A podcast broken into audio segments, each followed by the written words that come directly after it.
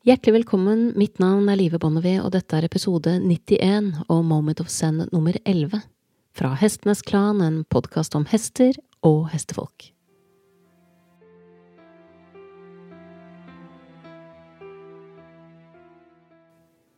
Det er veldig inspirerende å tilbringe tid med engasjerte mennesker, som bobler over av genuint overskudd og genuint godt humør.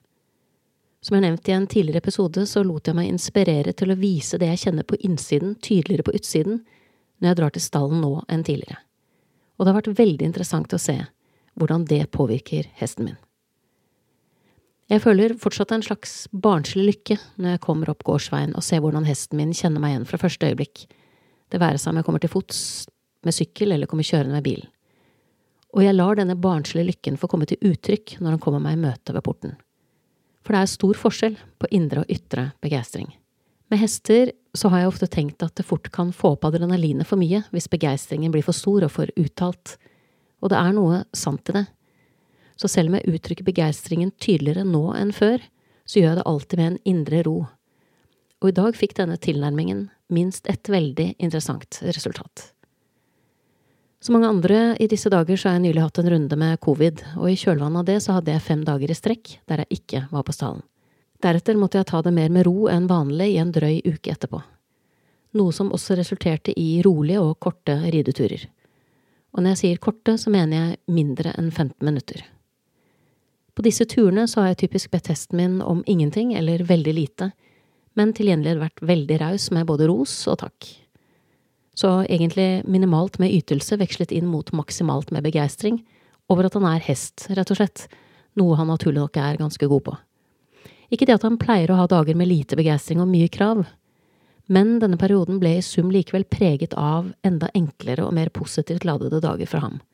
Dager der jeg typisk droppet å ta på salen, men nøyde meg med å ri med et reinsdyrskinn. Dager der jeg red på lange tøyler og ikke gjorde stort ut av meg utover å lytte etter skogens ro og bruke alle sanser til å ta inn både hest og omgivelser. Hesten min hadde en del framad i seg etter å ha stått en snau uke, men jeg lot han beholde alt dette for seg selv, og ba ikke om noen verdens ting. Men i går så la jeg opp til en litt lengre tur, en snau time, og salte opp ordentlig for første gang på nesten to uker. Jeg bruker gjerne noe å stå på når jeg stiger opp for å unngå drag ved manken, og det er artig å merke seg at hesten min vet veldig godt akkurat hvordan han skal stå for at jeg skal kunne stige rett opp så det er som en melodi fra start. Jeg stiller meg opp på en stein eller et, annet, et eller annet annet høyt å stå på, og han snur hodet mot meg, så jeg kan legge tøylene over halsen hans, og uansett hvor jeg stiger opp, er det bare å stikke foten rett inn i stigbøylen. Solen skinte fra skyfri himmel, og snøen var gnistrende hvit med flekker av gult gress her og der da vi red nedover jordet. Våren er underveis. Man kan merke det på fuglesangen, varmen som har satt i gang årets første pelsfelling, og det lette steget i hesten min som kjennetegner at han er i ferd med å bli våryr. Vi legger jordet bak oss og rir innover i skogen, og mens vi skritter inn mellom trærne, flommer hesten under meg over av tilbud. Jeg rir ham på løse tøyler, men han samler seg selv og tilbyr trav. Jeg har lært ham hvordan han får kontakt med spensten i steget sitt, og han traver løst og ledig innover på de smale stiene, med et nydelig, naturlig fremad. Litt lenger oppe i skogen så merker jeg at han tilbyr mer og fatter galopp med lette hjelpere og han galopperer ivrig og energisk videre. Og siden det er den lengste turen vi har ridd på to uker, og sola skinner, så har jeg tatt med en halv liter kraftfôr som jeg har på innerlomma. Og når vi kommer til toppen av løypa, så gjør jeg noe jeg ikke pleier å gjøre. Jeg heller kraftfôret ut i en haug i snøen, og han spiser mens jeg blir sittende i salen og holde vakt. Og fordi han vet at jeg passer på, så hever han ikke hodet en eneste gang mens han momser i seg dette fôret. Og jeg lar ham rote rundt etter de siste kornene i snøen for jeg merker at han er klar og vi setter kursen nedover mot stallen igjen. Han er fornøyd med livet. Jeg er fornøyd med livet. Og det er stille og fint i skogen. Den eneste lyden som er å høre, i tillegg til fuglesangen, er lyden av et helikopter i det fjerne. Et hvitt helikopter som henger urørlig over trærne noen kilometer unna, som en liten hvit kolibri. Så setter det brått kursen i vår retning, og flyr faen så lavt, med en eller annen merkelig last hengende under. Lyden fyller skogen rundt oss, og den hvite jernfuglen stryker over trærne rett over oss, nærme nok til at jeg tenker at det er veldig naturlig for en hest å reagere. Men vi er begge i avslappet modus, uten tegn til verken adrenalin eller grunnstress, og jeg samler ikke opp tøylene, jeg bare tar ansvar for at det kommer et helikopter som skal passere, og at det er ok.